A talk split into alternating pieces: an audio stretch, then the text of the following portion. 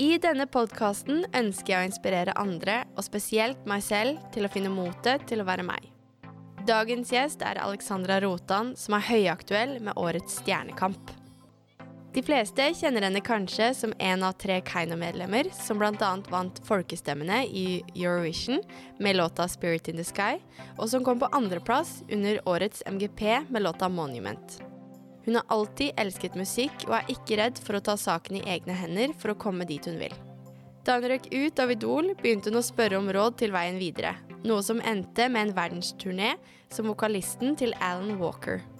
I denne episoden vil jeg vite mer om hvordan reisen har vært fra MGP junior til å reise verden rundt og spille med Keiino, hvordan en typisk hverdag ser ut, og hvordan hun har klart å holde på sin egen stil og væremåte i noe mange ser på som en tøff bransje å befinne seg i. Velkommen til Mot til å være meg.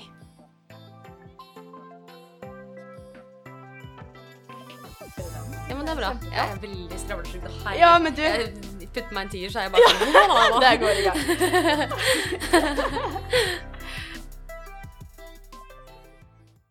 Yes, Velkommen, Alexandra. Tusen takk. Er du klar for å podde? Ja, Ja. veldig klar for å podde. Jeg gleder meg. Ja. Altså, du eh, var jo på scenen i går, Mhm. og så er det rett på i dag igjen. Ja. Altså, du bare, du bare gønner på hver dag, du. Jeg tenker hvile kan jeg gjøre når jeg blir gammel. Ja. Det er liksom det jeg går etter. Det var så fint. Eh, Men vi starter med et spørsmål til alle som er her. Og det er hvem er du? Hvem er jeg? Jeg spør meg sjøl det spørsmålet hver dag. Nei da. Nei, jeg er Alexandra Rotan. Jeg er 25 år fra Eidsvoll. Og jeg elsker sang og musikk, og har drevet med musikk hele livet. Og nå er jeg så heldig å være en del av et band som heter Keiino, og det er jeg veldig stolt over. Det føler jeg liksom oppsummerer hvem jeg er. ja. Hvor lenge er det du har vært med i Keiino? Vi har vært med i Keiino siden 2019. 2019, ja. Det er da Tom uh, var the big boss og satte oss sammen, jeg, Fred og Tom. Mm, så gøy. Mm. Men uh, er det sånn at eh, Er dere i noe management, eller er dere, er dere bare dere som driver dere fremover? Det er kun oss tre som liksom er hele Keiino. Eh, og litt av grunnen til det er at vi på en måte vil ha en sånn nærhet til alt vi gjør sjøl. Så vi har ikke noe sånn svært apparat rundt oss eller noen ting. Eh, og det trives vi veldig godt med. Ja, så gøy, for eh, dere lå jo også ute på, var det VG eller et eller annet, at du, du satt på toppen av slogen og drev og sminka deg sjøl til sminkevideo, og Ja, at dere hadde gått opp en lang tur på Ja, ja. hvor mange timer? På altfor mange timer. Vi, Ja. Jeg tror vi, vi gikk hele dagen. Uh, og, men litt av det er at vi på en måte vil ha en opplevelse samtidig som vi gjør jobb, da. Mm. Uh, og det var en helt sinnssyk uh, opplevelse. Men da Altså, jeg husker jeg sa til gutta når vi var ferdig med den toppturen, så var jeg sånn OK, vi har gått slogen sammen. Dere har sett meg fly forbanna fordi dere går tre meter foran meg. vi er fortsatt bestevenner. Ja. jeg føler den turen liksom satte hele Keiino på prøve, da. Ja. Og det funka, det også. Ja. ja, det blir sikkert en familie når en lever så tett eh, på hverandre. Absolutt. Ja. Vi er det. Eh, og det som er litt gøy, da, er jo faktisk at vi nesten signerte kontrakten til Melodi Grand Prix før vi hadde møttes. Ja. Jeg og Tom hadde jo møttes et par ganger før, men jeg og Fred hadde jo aldri møttes. Eh, Tom og Fred hadde aldri møttes. Men så husker jeg at vi møttes eh, over en middag, og det var liksom full klaff med en gang. Mm. Og jeg tror det at vi bonda så bra allerede da, har hjulpet mye eh, på veien. da. At vi kjenner hverandre så godt allerede, og at vi på en Mm. måte Vi elsker jo det her, og vi elsker å drive med det her, og samtidig få gjøre det med sine beste venner. Det er liksom en sånn Yes. Det er ikke noe annet vi har lyst til å gjøre, på en måte. Mm. Tror dere at det var lettere fordi at dere har en sånn lidenskap for musikk? Alle tre? Det. Ja, jeg tror vi deler den der fellesgleden. At det er eh, Vi har på en måte ikke noe Det er ingenting som setter stopper da, for drømmene våre og ambisjonene våre. Vi har liksom, vi deler det samme Den lysten da, om å kunne leve av musikk. Mm. Og da blir det en sånn naturlig drivkraft. Ja. Eh, og det er jeg veldig glad for. Det er jo på en måte ikke noe selvfølge at jeg skal møte to gutter som vil akkurat det. Og som jeg klaffer så bra med. Så det er veldig, veldig gøy. Men du virker jo supermålretta når eh, det kommer til bl.a. sangkarrieren din. Eh, men var det dette du ville bli til og med når du var liten? Da jeg var liten, så var det liksom Det var et mål, og det var en drøm. Eh, men jeg visste jo at den bransjen er beintøff allerede da, når jeg liksom så på de store popstjernene, hvordan de levde og sånn. Så jeg hadde også en plan om å bli tannlege. Ja. Tannlege var liksom Ok, det, det kan jeg bli. Det kan jeg, liksom, det kan jeg tenke meg. Eh, men musikk har jo på en måte alltid vært drømmen. Men jeg hadde på en måte en plan B, da. Mm. Mm. Men har du eh, gått noe altså studie eller noe sånt i den retningen? eller? Ja, faktisk. Jeg tok uh, ikke musikklinja på videregående. Ja. Det er mange som blir litt overraska når jeg sier det. Ja. Jeg tok realfag med Ja. liksom matte, fysikk og kjemi. Oi, og oi, oi. Var liksom den veien jeg ville gå. Da jobba masse med skole, så var på en måte musikk noe jeg gjorde ved siden av, bare. Mm.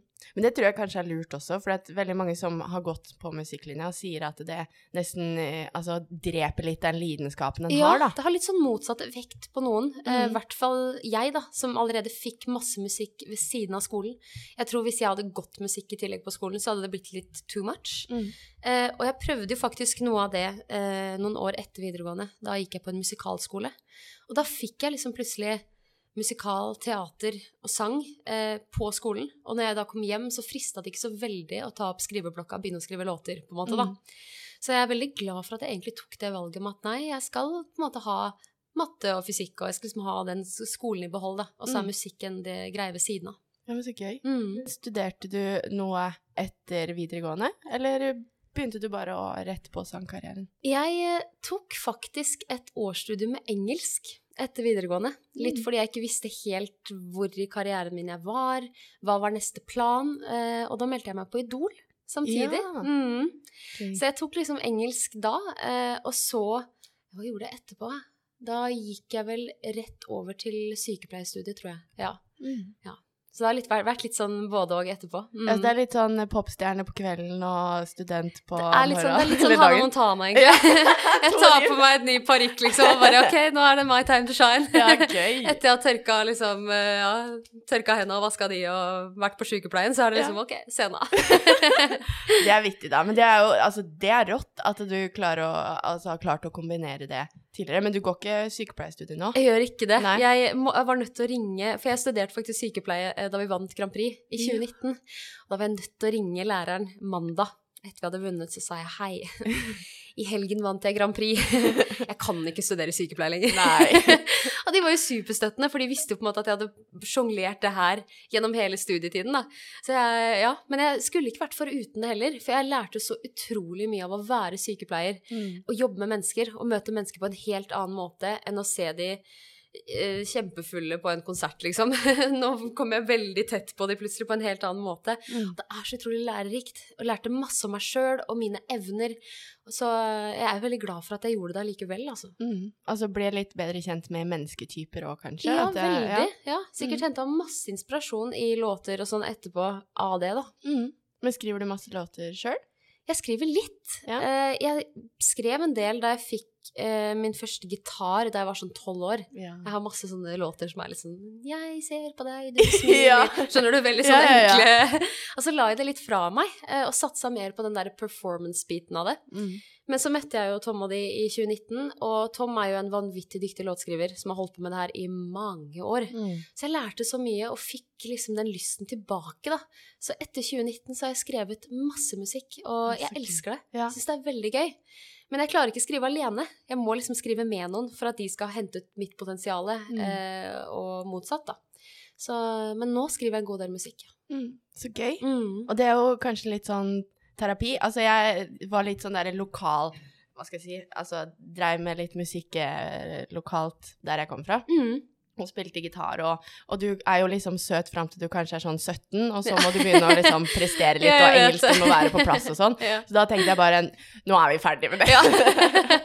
Men, men jeg har jo gitaren hjemme i stua og driver og spiller og skriver faktisk låter Så sjøl. gøy! Så gjør det litt sånn innimellom, bare for å kjempegøy. lufte huet litt på For jeg driver med så mye annet. Så det er litt deilig å gjøre. Men jeg tror det er litt sånn samme for meg også, bare at jeg skriver ikke så mye tekster. Jeg Mm. skriver mest melodier. Ja. Eh, det er på en måte der jeg har valgt å perfeksjonere meg da, når det gjelder Mm. låtskriving. Og jeg tror det er greit når det er en så utrolig hektisk og kaotisk hverdag med så mange inntrykk hele tiden, å bare få de følelsene ned et sted, akkurat som du sier. Mm. Ikke med tekst på en måte for min del, men melodier og bare det å på en måte synge det ut i stedet, da. Mm. Mm. Men åssen vil en typisk hverdag se ut for deg? Du, det er veldig variert. Ja. Eh, Jeg har fått faktisk det spørsmålet en del i det siste, hvor journalister er sånn Ja, men hva gjør du ved siden av musikken, da? Hva Mm. gjør du egentlig, da? Ja. Sånn i hverdagen. Jeg gjør faktisk ikke annet enn musikk. Eh, og det er Jeg står jo opp, spiser frokost og sånne ting, men så gjør jeg jo alt fra å skrive låtene til å gjøre låtene, til å drive alt med forarbeid av turneer. Og i og med at Keiino er på en måte bare oss som styrer skuta, så blir det så utrolig mye annet arbeid rundt det. Mm. Eh, så akkurat nå så er det faktisk 100 Keiino. Mm. Så gøy. Det er For du skal i studio etterpå også, skjønte Ja, jeg? det Så vi vi jeg. måtte presse det så tidlig Ja. som mulig på morgenen. Ja, det var veldig gøy, da. Fortsatt litt sånn morgenstemme, liksom. Ja. ja. Ja, ja, men jeg satt før du kom, så var jeg litt Åh, hvordan Altså, jeg også var litt groggy, for Ja. vi var jo på konsert i går, Vi var på og konsert i går. sang mye Konsert med, hører jo og med, det hører jo med et par pils, og det, du vet, Det, det, det, det, baller på seg. Ja. Ja, så Mm. ble, hadde litt sånn Vi drev og tenkte på hvordan er det artister varmer opp stemmen, sånn at det bare skulle få litt radiostemme. Akkurat nå skal det ikke synges, da, for å si det sånn. Det er jo veldig greit, det, da. Men du har jo også vært med på eh, MGP Junior. Ja! Med Det vi vil. Det vi vil! Ja, Hvor gammel var du da? Da var jeg 14. Ja. Det var eh, siste mulighet til å kunne være med på MGP Junior. Ja, Da sendte jeg av gårde en låt. ja så gøy. Åssen var den opplevelsen? Det var helt fantastisk. Ja. Eh, Det var, eh, hadde alltid vært en drøm for meg å liksom stå og synge på TV, men det virka så fjernt, og det virka så vanskelig å komme dit. Eh, Men så satt jeg og mamma og så den her reklamen komme på NRK. eh, og bare 'Nå er det kun to dager igjen av påmeldingen! Meld deg på MGP Ja. Junior 2010!' Så så jeg mamma på hverandre, så var vi sånn 'Ja, ok, vi gjør det. Ja. Nå, nå er det liksom Nå er det, nå er det tid'. Ja.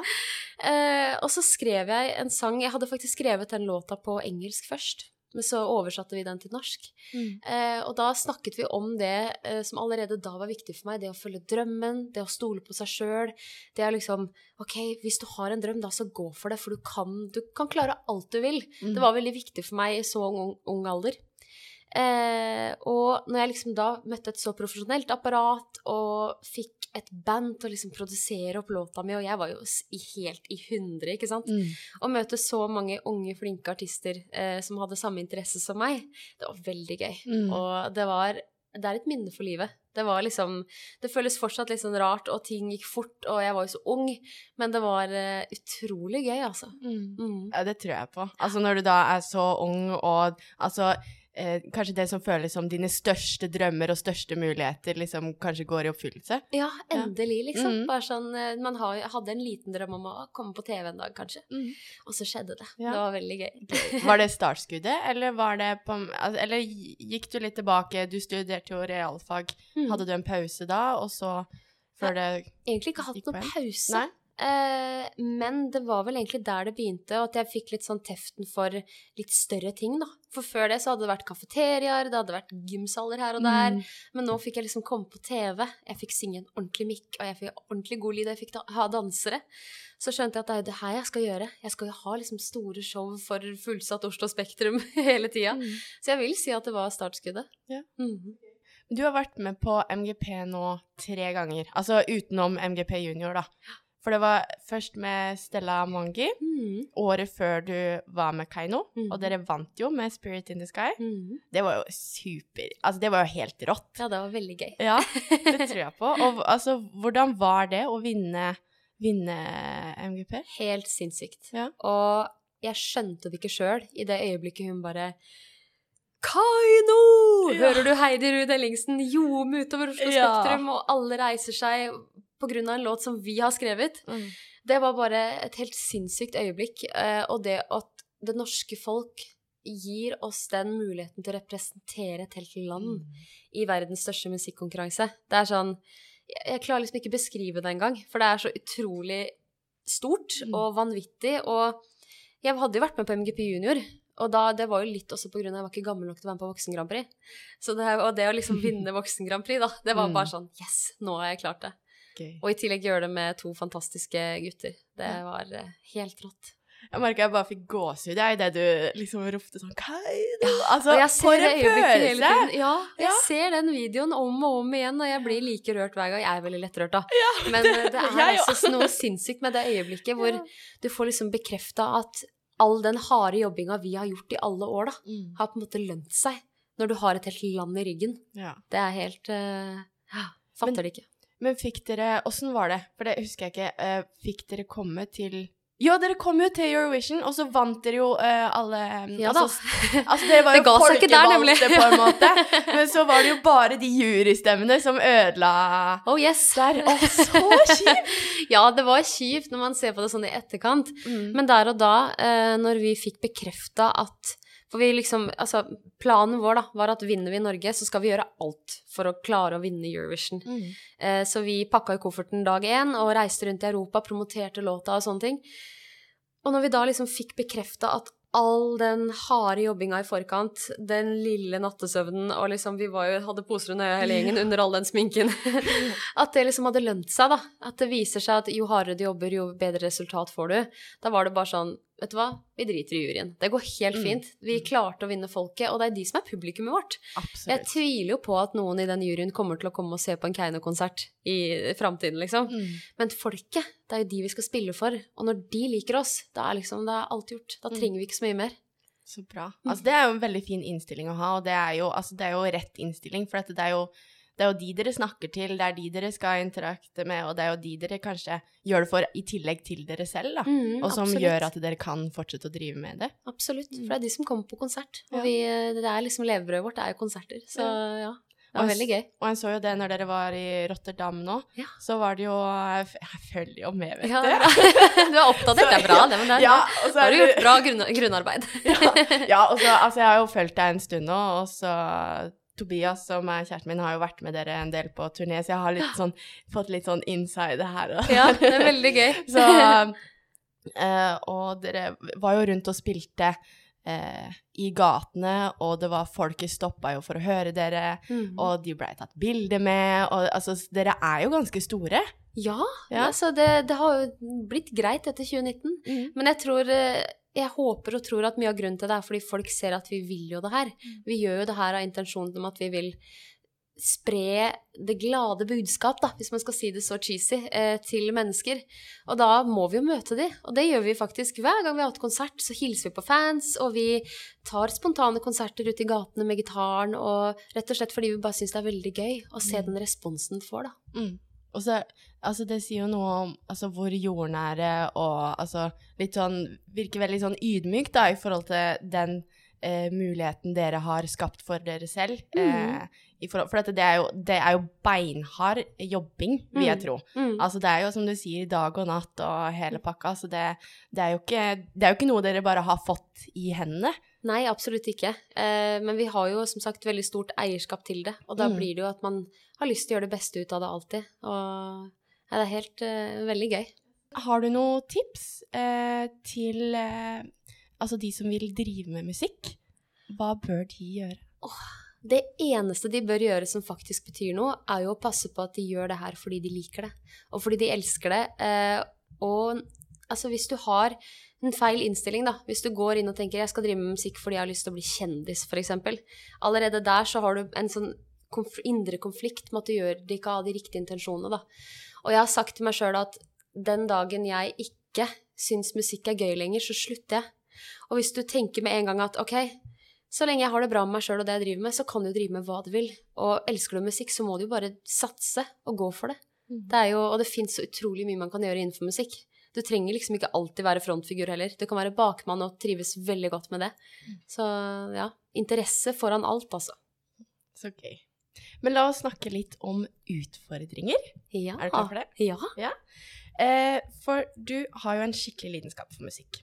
Eh, men sånn som jeg kan se det utenifra, altså ikke bare for deg, men for alle som driver med musikk, eller eh, noe som, hvor en må være litt out there, på en måte, Mm. så kan det være en vanskelig bransje å stå i. Er det noe du har opplevd? Ja, eller ikke opplevd sånn direkte, eh, men greia er når du driver med musikk på den måten jeg gjør, så er du så utrolig sårbar. At du liksom står der og pour your heart out på en konsert, eh, og du gir virkelig alt av deg sjøl. Og det er adrenalin, det er stress, det er en tenning. Eh, og det gjør liksom at Det er ikke en utfordring direkte, men det gjør at man kanskje blir litt sånn tappa da, etter det. Eh, går av scenen, er litt sånn huh, Hva skjedde nå? Det var kaotisk, det var crazy, det var dritgøy. Men det gir så utrolig mye følelser av deg sjøl at du kan, jeg kan fort liksom bruke sånn tre-fire dager på å lade opp igjen til neste, ikke sant. Eh, det er liksom det jeg har kjent mest på, sånn med det jeg driver med nå, da. Mm. For hun blottlegger seg jo mye i både tekst og melodi som dere skriver selv, Mhm. og må jo være veldig åpen og ærlig når en står på scenen. Absolutt. Tar det mye, eller er det det bare at du, at du har så mye energi som du gir når du er på scenen? Ja, det er litt begge deler. Mm. Eh, og i tillegg det lille stresset ved at ok, det kommer folk til å se oss på konsert. Da vil du at de skal sitte igjen med en positiv opplevelse. De skal virkelig føle på det at herregud, det var verdt å reise på Keiino-konsert. Eh, som gjør at man føler et sånt behov for å bare gi det lille ekstra. Eh, men jeg, det er jo et eller annet ved den følelsen da, som fascinerer meg. Det er jo en grunn til at jeg driver med det her, for jeg Mm. gjør det jo hele tiden. Og jeg vil jo på en måte leve av å ha konserter og sånn hele tiden.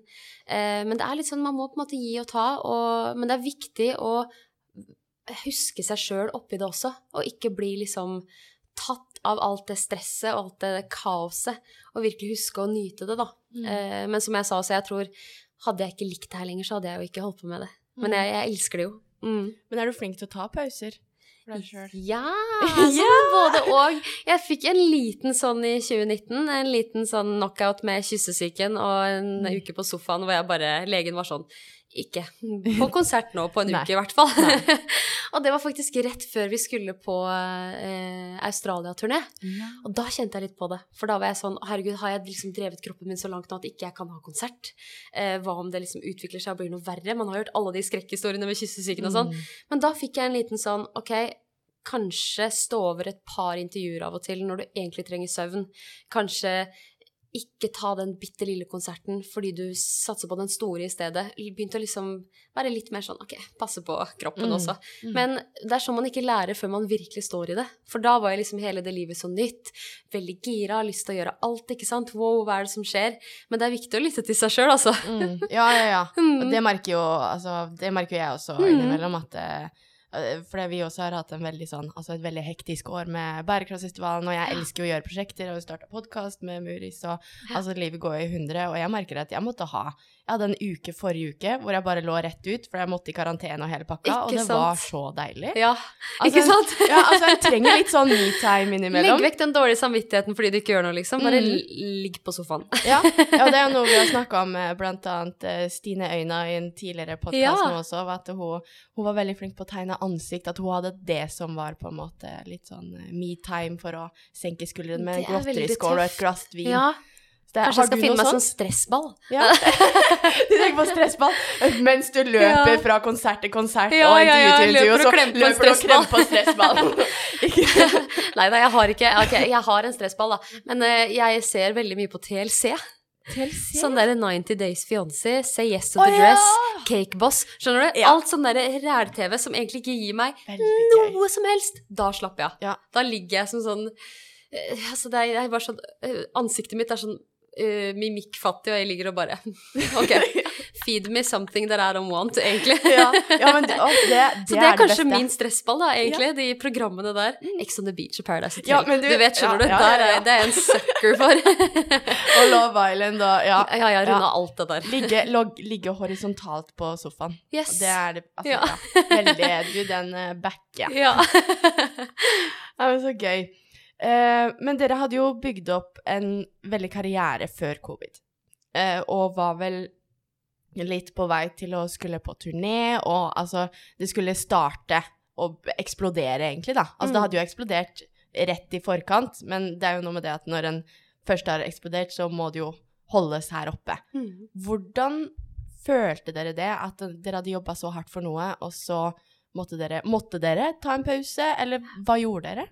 Det var litt sånn surrealistisk eh, når den beskjeden kom om at ok, Norge går i lockdown, hele verden er i lockdown, det er eh, så utrolig strenge restriksjoner. Ble plutselig innelåst i en leilighet på Jessheim, liksom. Var akkurat flytta til Jessheim, klar for å ha superkort vei til flyplassen, ut og fly. så er det bare sånn, du får ikke lov til å fly. Og vi vet ikke hvor lang tid det her tar før ting åpner igjen. Og he hele den prosessen var bare sånn utrolig stressende, for det var ikke noe som helst forutsigbarhet. Så jeg husker jeg liksom sendte melding til gutta og bare Hva gjør vi nå?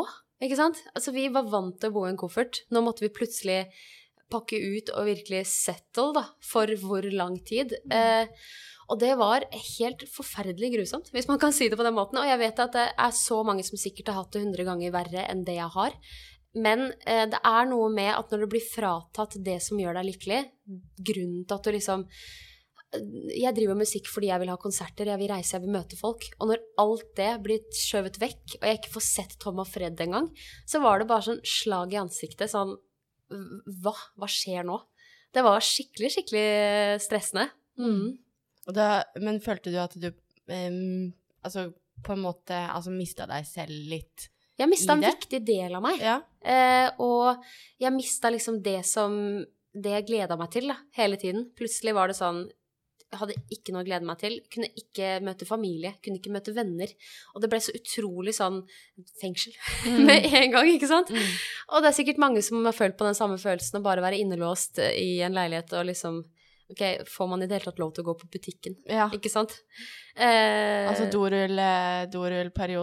Ja. Altså, jeg husker jo Det var jo helt surrealistisk, for at venninna mi, eller som jeg, hun jeg bodde med, hun ringte meg og bare 'Emma, det er helt kaos på butikken her. Ja. Alle hamstrer. Ja. Alle hamstrer doruller. Eh, jeg vet ikke hva som skjer. Skal jeg bare handle masse ris og bønner, sånn at vi holder oss i et par Jeg uker?' gjorde bare, akkurat det samme. jeg bare sa 'Kristin, nei'.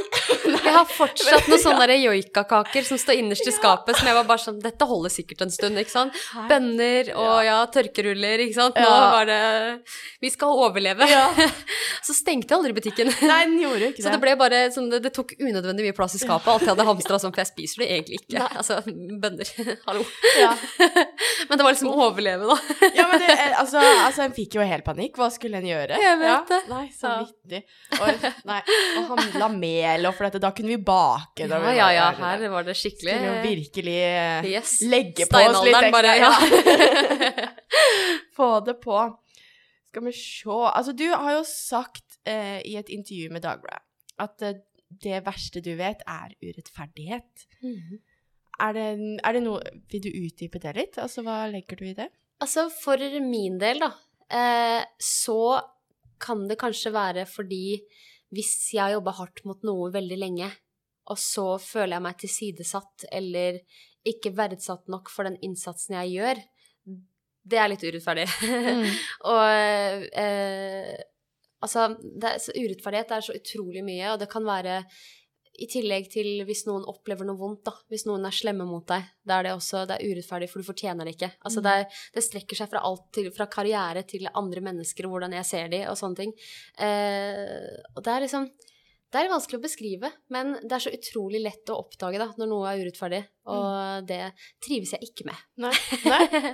Men eh, en føler jo Eller en hører jo ofte om at eh, folk blir Når en skal i musikkbransjen, at en type blir litt sånn eh, pressa eller må endre seg, da, for å passe inn i en gitt modell. Mm. Eh, for å, å få et type image som en bør holde, eh, for at folk skal At en skal i det hele tatt klare å slå igjennom. Mm. Uh, er det noe du har følt et press på? Ja, ja, ja. Og det hørte jeg i alle år før 2019. Ja, til og med i 2019, faktisk, møtte jeg en eh, veldig kjent eh, kjendismanager Mm. to dager før finalen i Oslo Spektrum, som hviska meg i øret, så sa han jeg tror kanskje du hadde vært litt mer kjent hvis du bare hadde et eller annet som folk kjente deg igjen ved. Sånn en kul ørering eller en kul hårfarge eller et eller annet sånt.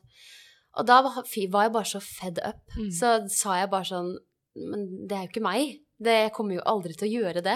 Heldigvis da var jeg gammel nok til å innse det, men da jeg fikk høre det som sånn nyoppstarta 14-åring, eh, kanskje synge litt annerledes, kan ikke du bare endre deg lite grann? Det var så utrolig sårt, for da var jeg på en måte i en utvikling, jeg hadde akkurat oppdaga at eh, oi, shit, kanskje jeg har et talent, kanskje det her kan bli noe stort, da, etter hvert. Og det å liksom få høre noen da som er sånn Du er ikke god nok som du er, da. Du er nødt til å endre deg. Det er beintøft. Men jeg er veldig glad for at jeg hele tiden har valgt bort disse menneskene. Jeg har alltid hatt mamma og pappa spesielt, som har vært veldig sånn hvis noen forteller deg urett, så skal du vekk fra dem med en gang. Og det har vært innstillingen min hele tiden som gjør at jeg har klart å bare Ok, du vil ikke mitt beste, da, da skal jeg vekk fra deg. Mm. Eh, og det er sånn jeg har lært etter hvert da, som det her har skjedd. Eh, men jeg skulle jo selvfølgelig ønske at 14 år gamle meg ikke hadde opplevd det. Eh, fordi da var jeg så ung at jeg ikke hadde den tankegangen allerede da, da. Mm. Mm. Merker du nå at du At du Altså at du har endra deg på noe vis på grunn av det? Ikke i det hele tatt. Nei? Jeg har vært meg sjøl 100% hele veien, og det er jeg fortsatt. Mm. Og det er derfor jeg kanskje har det så gøy med det. For det er så utrolig ektefølt, da, alt det som skjer. Eh, så å endre meg kunne jeg faktisk aldri gjort. Om noen bare hadde sagt liksom farg håret, liksom. Nei. det er, jeg kommer jo ikke til å gjøre det. Mm. Men hvordan, altså, hvordan har du klart å stå i det? For at, altså, en merker det altså, bare sjøl, at hvis folk kommer og sier du burde tenke på det, eller du burde tenke på det, så blir jeg sånn Oi, shit, burde jeg det, eller burde jeg ikke? Eller, altså, Mm. det blir jo en viss usikkerhet, altså, men kanskje begynner å tvile litt på det en gjør, og Mm. hvordan har du klart å stå i det? Jeg tror det viktigste er å snakke om det med en gang det skjer. Eh, og der har jeg heldigvis hatt et veldig, veldig tett bånd med mamma og pappa hele veien. De har alltid vært veldig sånn pro min karriere, vi gjør alt for at du skal ha det bra. Så hvis, altså, jeg husker liksom jeg kom fra en session en gang, eh, da var jeg sånn 16. Og så fikk jeg beskjed i, i studio, det var rett, eh, 16 var jeg ikke, jeg var 18. Når jeg tenker meg om. Mm. Fikk jeg beskjed om eh, at eh, han skjønte veldig godt hvorfor jeg røykte av Idol. For det var liksom ikke noe, det var ikke noe folk kjente meg igjen ved. Og da husker jeg at jeg, jeg sa det til mamma og pappa med en gang, allerede da, for å bare bremse den ikke la meg dra meg sjøl ned i et veldig mørkt sted akkurat nå. Ja. Hjelp meg, liksom. Bare fortell meg det jeg trenger å høre. Og jeg er veldig glad for at jeg alltid har hatt en åpen dialog med de, for da har jeg noen som jeg stoler på til å fortelle meg at men det er ikke sant. Mm. For det er fort gjort. Altså hvis du har en kilo med hyggelige ting, da, og en kilo med negative ting, så veier den kiloen plutselig 100 ganger mer. Det er sånn, sånn er vi lagd, og man fokuserer jo veldig på det negative hele tiden. Men å ha folk rundt deg som liksom kan fortelle deg det motsatte, og hva som faktisk er sant, da. Mm. Det er jo veldig viktig. Og i Mm. hvert fall, jeg tror familie Det virker som at du har et veldig tett forhold til familien Mm, din. veldig, Mm. ja. For de har vært der liksom hele veien. Mm. De har sett hele min karriere, og de har liksom alltid passa på at jeg gjør det her fordi jeg syns det er gøy. Og da blir det jo veldig feil at jeg skal drive og endre meg for, altså, til noen jeg ikke er, da. Da er det plutselig ikke så gøy lenger. Da gjør jeg det her av helt andre intensjoner, og det vil jeg jo ikke. Nei. Men du har jo sikkert måttet tatt en del tøffe valg.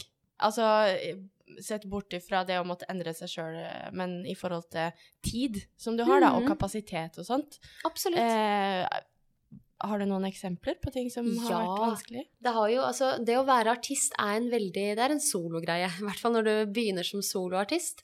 Eh, og i og med at jeg begynte da jeg var sånn eh, ti år, da, eh, og allerede da liksom ha venninner, og du er veldig sånn opptatt av at du skal være med på alt av bursdager og jentekvelder, og du skal liksom være med på hele den derre den oppveksten, da, med det. Eh, og det å i så ung alder si at jeg kan ikke fordi jeg skal ha konsert, eh, og da møte mennesker som kanskje ikke er fullt utvikla oppi hodet og tenker at ok, hun gjør det fordi det er jobben hennes. Som da er sånn Men du er aldri med på noe. Du er aldri med på noe. Hvorfor er du ikke med på det? Nå skal vi det. Hvorfor er ikke du med? Du skal bare ha konserter. død, død, død, Sånn Mm. Eh, og det kjente jeg var liksom sårt. Eh, men jeg er selvfølgelig glad for at jeg tok de valgene nå i etterkant. Eh, men det har liksom vært litt sånn vanskelig å kunne prioritere, eller føle at jeg prioriterer riktig, da, når andre har noe å si.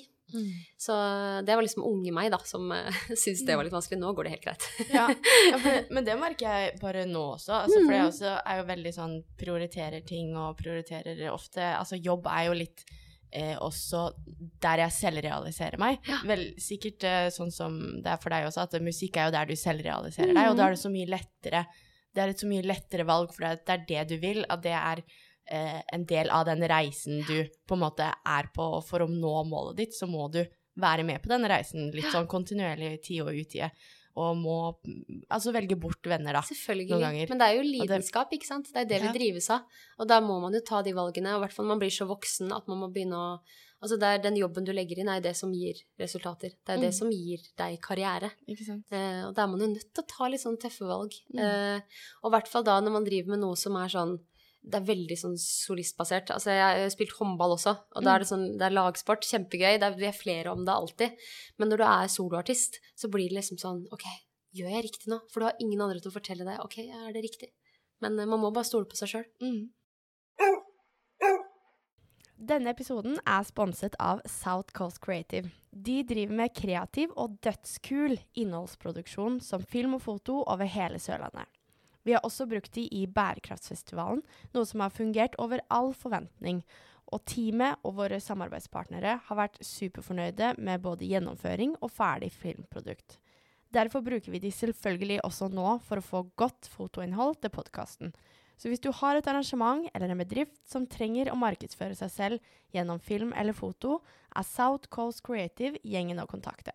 Sjekk de ut på Facebook, Instagram eller nettsiden deres. Du er litt interessert i, for at jeg leste om Eller Muris leste om at du hadde fått datingforbud. Jaså, Muris? ja, jeg tok eh, Altså, jeg fikk et datingforbud eh, før Grand Prix i år. Mm. Rett og slett fordi, for det første, Monument er verdens vanskeligste sang å synge. Det Ja. må jeg bare si.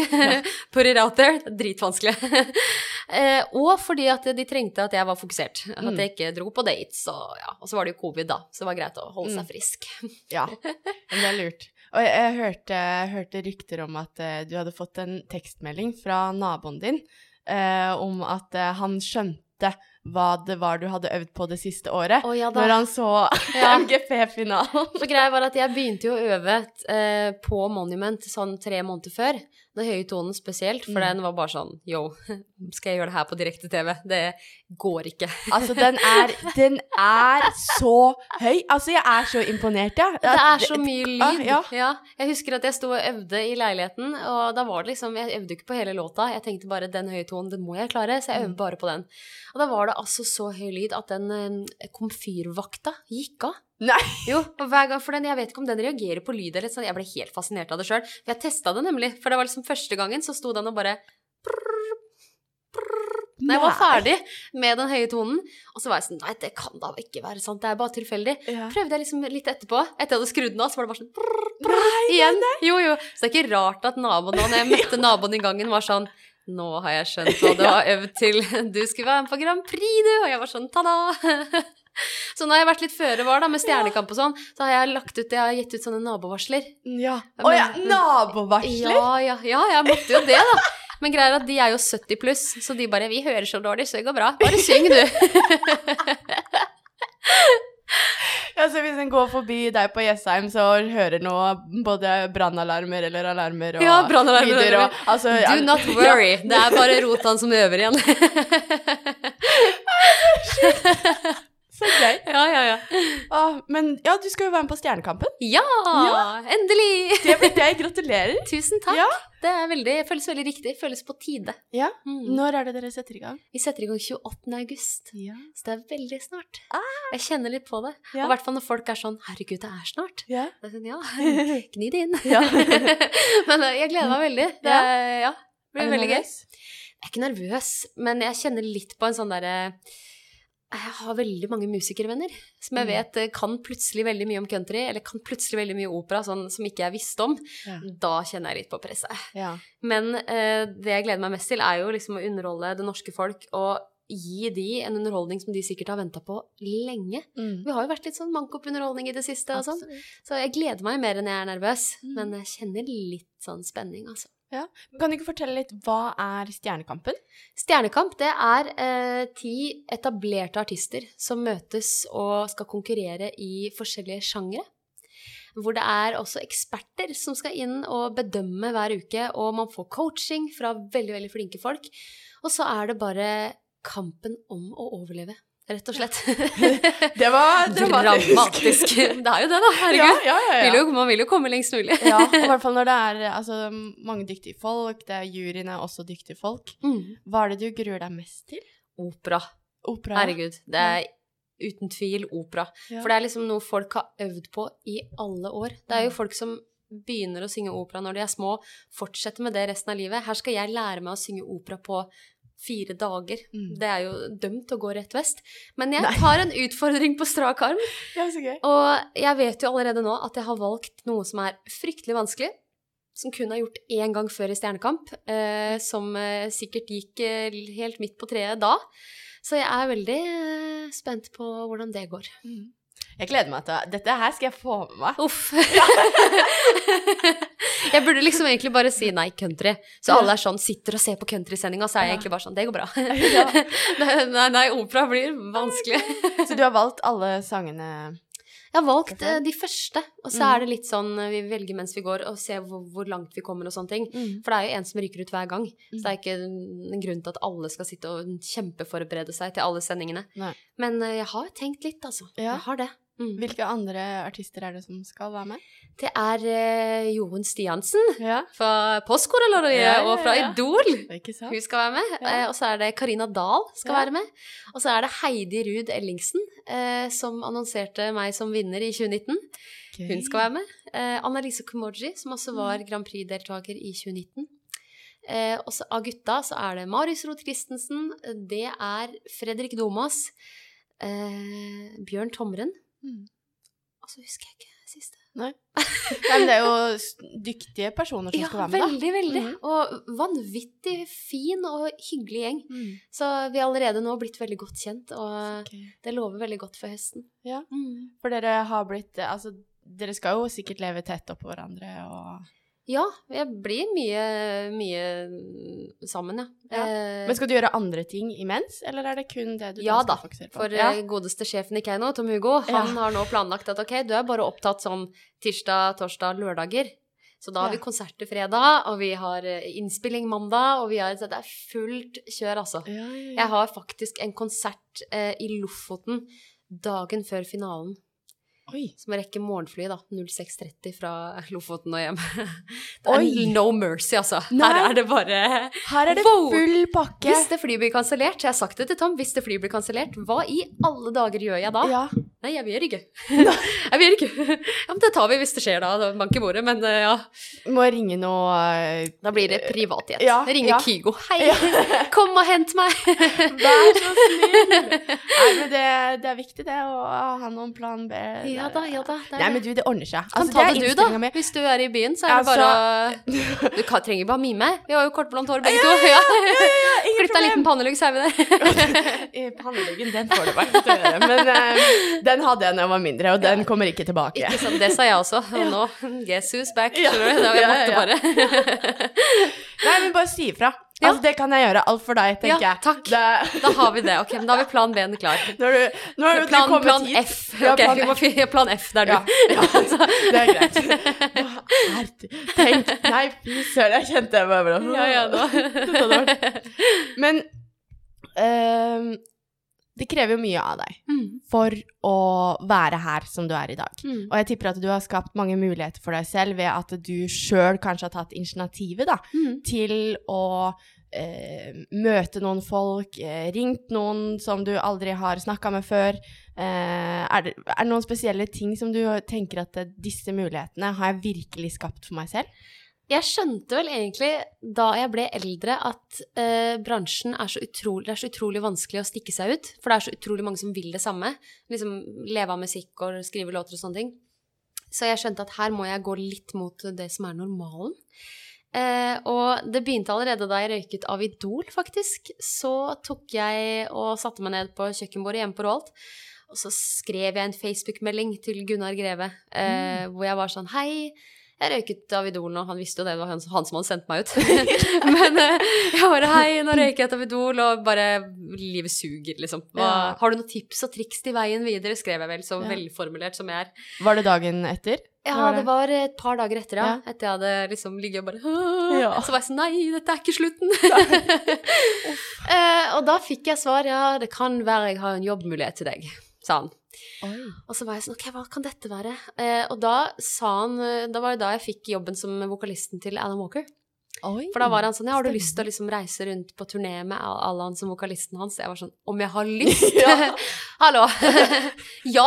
Det er, så det er bedre enn å vinne Idol. Ja. Og allerede der så skjønte jeg at ok, hvis jeg går litt mot normalen, da Hvis jeg begynner å sende Facebook-meldinger i stedet for mails, Mm. kanskje det er liksom veien å gå. Mm. Og sånn fortsatte jeg egentlig. Eh, og jeg husker jeg sendte melding til eh, Grand Prix-sjefen i alle år fra jeg fylte 16. Så var jeg sånn Hei, nå er jeg gammel nok. Jeg har lyst til å være med på Grand Prix. Kan, kan jeg få lov til det? Så var det sånn Nei, jeg har ikke noe lov til deg i år, dessverre. Men så var jeg sånn Ok, men da prøver jeg neste år, da. Ja, gjør det, du. Sendte jeg en ny melding neste år. Og sånn har jeg egentlig fortsatt. eh, og vært litt frampå. Vært litt sånn ballsy. Og tenkte at vet du hva, jeg kan ikke sitte og vente på noen. Her må jeg liksom Jeg må bare gå beinhardt inn sjøl, liksom. Eh, og sånn har jeg fortsatt, og sånn er jeg litt enda, egentlig. Mm.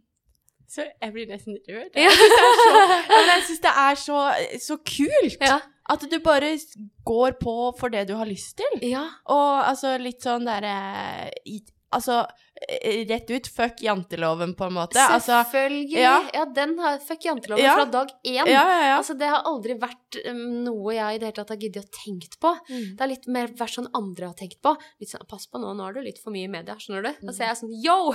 Hallo! Jeg tar godt en avisartikkel i morgen òg. Og jeg tror, så lenge jeg har den innstillingen og blir litt sånn Vet du hva, jeg har ingenting å tape. Skjønner du? Ja. Da det, blir det naturlig at jeg blir litt sånn frampå, da. Mm. Mhm. Du vet jo hvor du skal, du. Jeg vet hvor jeg skal, og jeg vet at dit jeg skal, det krever hard jobbing. Og det krever å være litt sånn Du må jobbe for egen suksess. Mm. Mm. Kult. Mm. Men altså, hallo. Turné med Alan Walker. Hvor var dere, og hvordan var det? Altså, det var helt sinnssykt, for det første.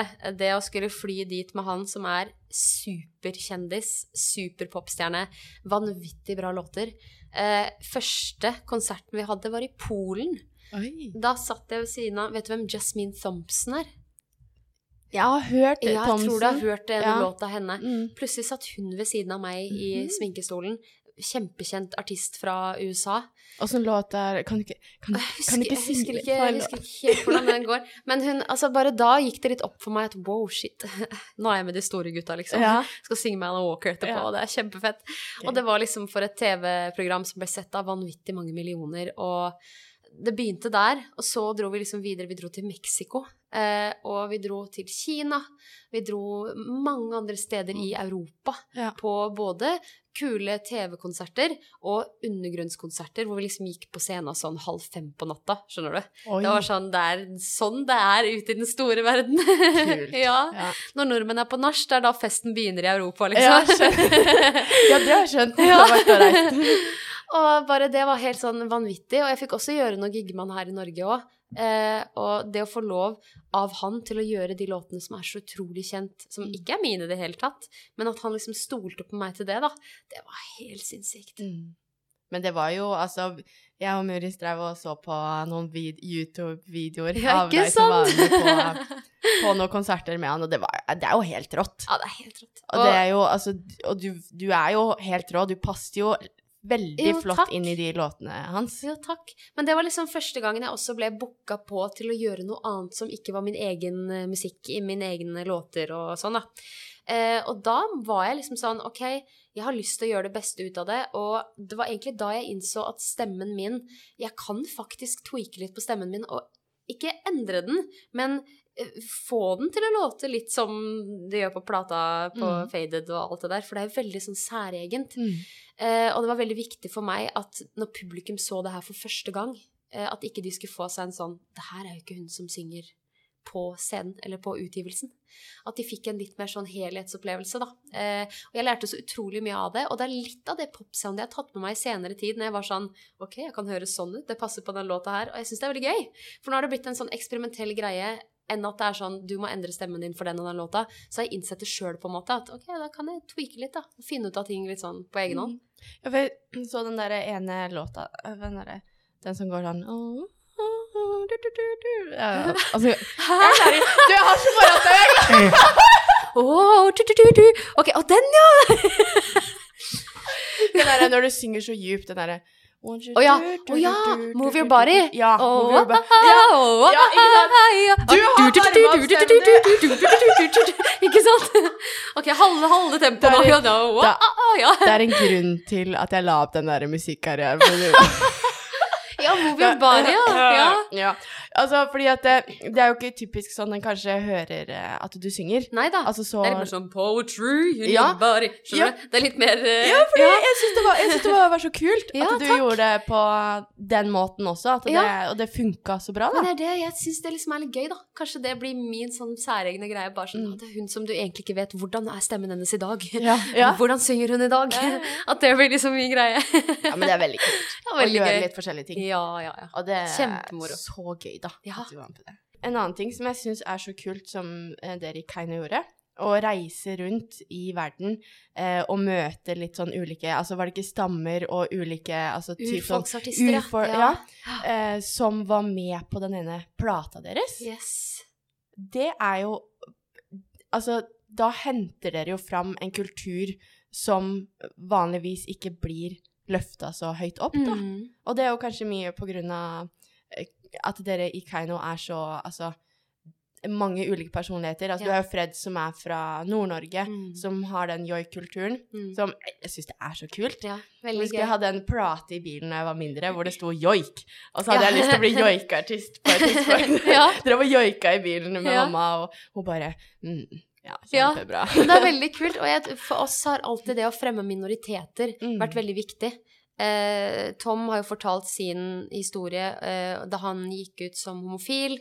Eh, jeg har jo fortalt mitt med liksom det å være dame og skulle inn i en bransje som kan være litt krevende.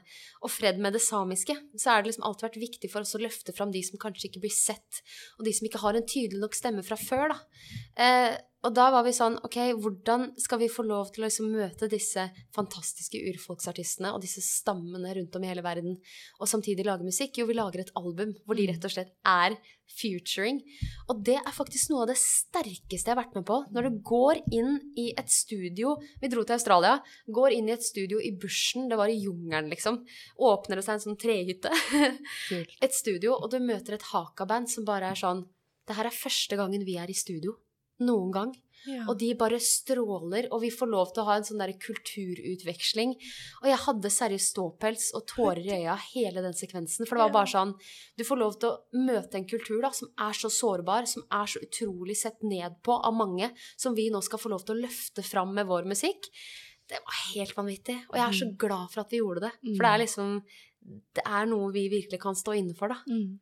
Jeg syns det, det er så bra og viktig, Ja. det dere gjør. At det, det virker som at det er så mye mening Mm. i alt dere gjør. At det er ikke, dere gjør ikke noe halvveis. Dere gjør ikke noe bare for å treffe noen. Nei. Og at dere gjør det fordi at det, at det betyr noe, da. Absolutt. Og vi har jo aldri gjort det her for å på en måte virke noe bedre utad enn det vi egentlig er. Mm. Vi gjør jo det fordi vi liker det. Og det kan kanskje gjenspeiles i musikken vår òg, fordi det, musikken vår kjennetegnes ved at det er, som vi liker å kalle det sjøl før noen sier det før oss, en same, en homo og en dame. Det er det du, det er det du kjenner igjen med Keiino. Ja. Og når vi har den grunnbasen der, så kan vi gjøre hva vi vil. Vi kan gi ut hva slags låter vi vil. Se eksempel konserten i går, da.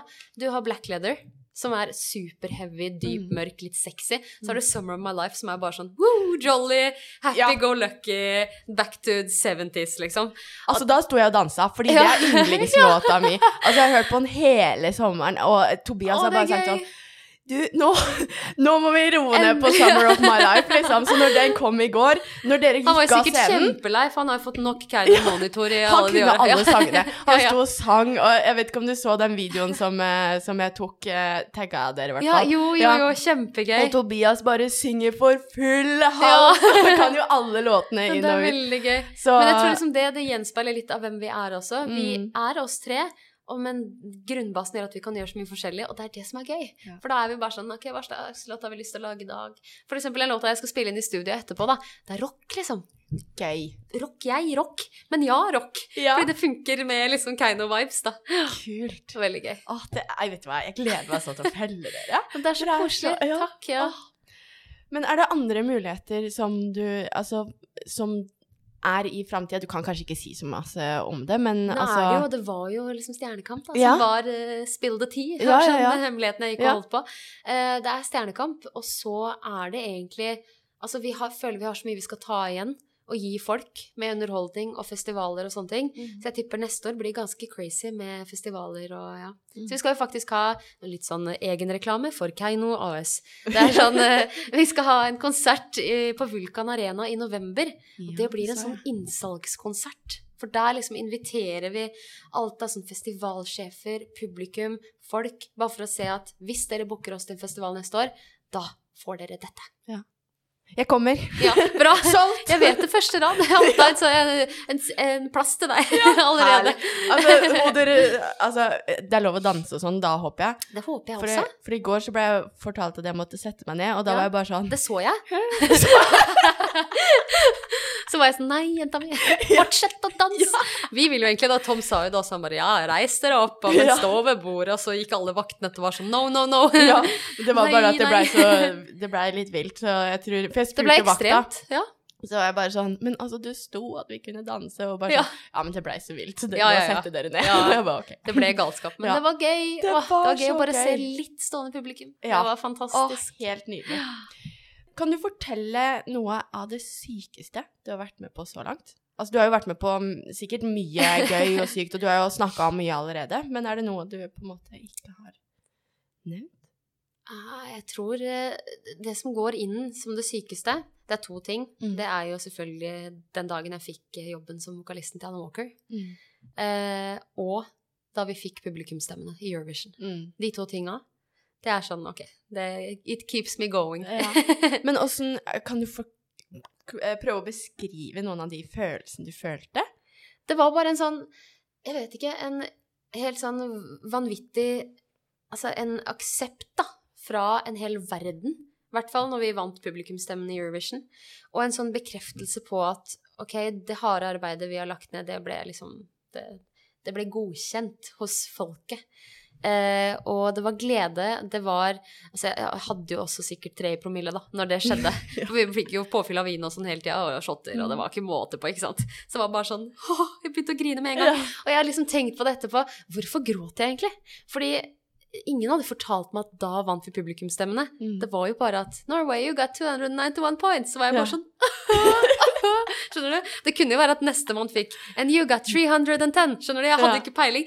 Men jeg tror bare det var en sånn eh, eufori og en sånn eh, Jeg vet ikke. En, eh, ok, det er det her, derfor, jeg, derfor jeg gjør det her. Mm. Og nå har jeg liksom the time of my life med mine Ja. to beste venner. Ja. Og så stemninga. Altså, det var jo fullsatt sal, Herregud, og ja. altså, det var jo sikkert en Det syk energi. Buldra. Ja. Det buldra, det rista i arenaen. Så gøy var det. ja. Kunne høre folk joika i utakt, så det Ja. sang etter. Du, Når vi sto ja. på scenen, og jeg var sånn Fred, ikke hør på de. Det, hør på deg sjøl. Det går bra. Og folk var bare sånn wow, ikke sant? Det var veldig gøy. Fy søren, for en Altså, sikkert for en følelse Ja. å stå på scenen og høre at folk synger med på deres sanger. Helt sjukt. Mm. For jeg har jo gjort mye sånn coverlåter og sånn tidligere. Det er jo fortsatt stemning når folk synger med til Tina Ja, ja. Turner, men det er fortsatt ikke min låt, ikke sant? Så det, det var helt vanvittig. Å, så sykt gøy. Mm. Åh. Går du alltid inn med rak rygg? Altså uansett hva du gjør? Ja. Jeg har lært meg det nå. At hvis jeg går inn med rak rygg, så er det mye større sannsynlighet for at det faktisk går. For da har jeg troa. Mm. Det er det viktigste. Ja. Eh, men selvfølgelig, det er jo av og til jeg er litt sånn For eksempel Stjernekamp, da. Så er det ikke sånn at jeg vandrer inn på H3 Arena og bare Dette her blir en eh, dans på roser, liksom. Det er, ikke, det er ikke sånn. Men jeg tror at så lenge jeg har en rak ryggholdning in mind, og at jeg sjøl tenker at det her klarer du, det her går fint, så kommer jeg mye lenger enn hvis jeg tviler litt på meg sjøl. Mm. Men det virker jo som at du har et stort mot til å være deg, da. Absolutt. Ja. Jeg har det, og det har jeg um, klart å bygge opp i alle disse årene. Jeg er veldig glad for at jeg begynte med musikk så ung. At jeg allerede da ble liksom litt veslevoksen, skjønte litt hvordan bransjen var, skjønte hva jeg måtte passe på, og igjen hadde en fantastisk støttende familie og mennesker rundt meg som kun ville meg godt. Og i etterkant har jeg lært å liksom velge bort ting som ikke er så bra for meg, da. Og jeg tror det motet har kommet sånn Det har kommet med åra. Mhm. Men hvor finner du det motet? Altså er det litt med familie og venner og sånn? er litt sånn overalt, egentlig. Det er både familie og venner, eh, men også den gleden jeg opplever når jeg gjør det jeg gjør. Så er det på en måte nok til å bare drive meg videre, da. Åh, så bra. Men hvor er veien videre? Altså, jeg vet jo Det er jo Stjernekampen. Ja, det er først og fremst. Stjernekamp. Men, hva, men altså det- Og så er det jo vulkan, så du har jo sagt det litt om Ja, det ja, allerede. ja, det er Stjernekamp. eh, Forhåpentligvis en lang periode. Jeg vil jo Mm. det. Ja. For greia at det er jo joik med i år. Ja. Så jeg vil jo vel, komme veldig langt til jeg får joika. For da føler jeg at da har jeg liksom the mentor of Mm. the mentors. Ja, om du har. ja. Så kult. Ja, og så er det Vulkan, og så er det sikkert en juleturné igjen, som har vært en Mm. suksess de siste åra. Ja. Og så er det masse neste år som jeg ikke kan si så mye om ennå, men Ja, det blir veldig gøy. Ja, masse planer, og ja, sky's the limit. Vi bare kjører på, vi. Spirit in the sky. Spirit er det ikke det hun sier? Jo, det er Ja. det, vet du. Men hva er drømmejobben? Drømmejobben, det er jo det jeg driver med nå. Ja. Det Du lever drømmejobben? å leve av å gjøre musikk. Mm. Og det kan være musikk i andre former også. Jeg tenker jeg blir jo gammel og grå en dag, jeg også. Men jeg vil fortsatt jobbe med musikk. Mm. Og jeg vil jobbe med produksjoner. Jeg vil jobbe med liksom å løfte andre fram også, da. Så drømmen er bare å kunne leve av og med musikk. Okay. Mhm. Hvilke tips, altså hvis du skulle gitt et tips til deg selv for ti år siden, eller før du starta, hva ville det vært?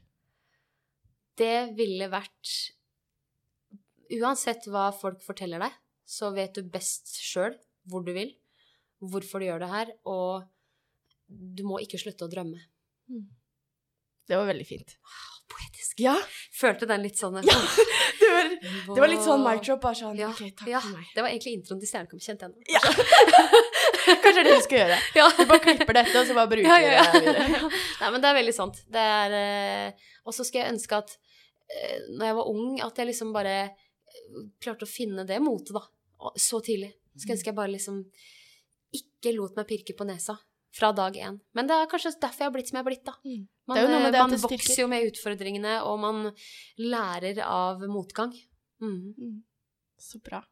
Du, dette har vært en kjempeinspirerende og gøy prat. Jo, altså, veldig spennende å høre. Ja, takk for at jeg fikk være gjest. Jo, Det var veldig Mm. hyggelig. Det er altså min ære her, så det jeg gleder meg til denne kommer ut. Og, Ja. så må du ha masse lykke til med Stjernekampen Tusen og takk. alt framover. Altså, jeg, jeg sitter på første rad. Jeg Nå har vet du sagt det. Jeg vet det. Vulkan! Jeg vet det. Jeg skal pynte stolen din. Da er vi klare. Herlig.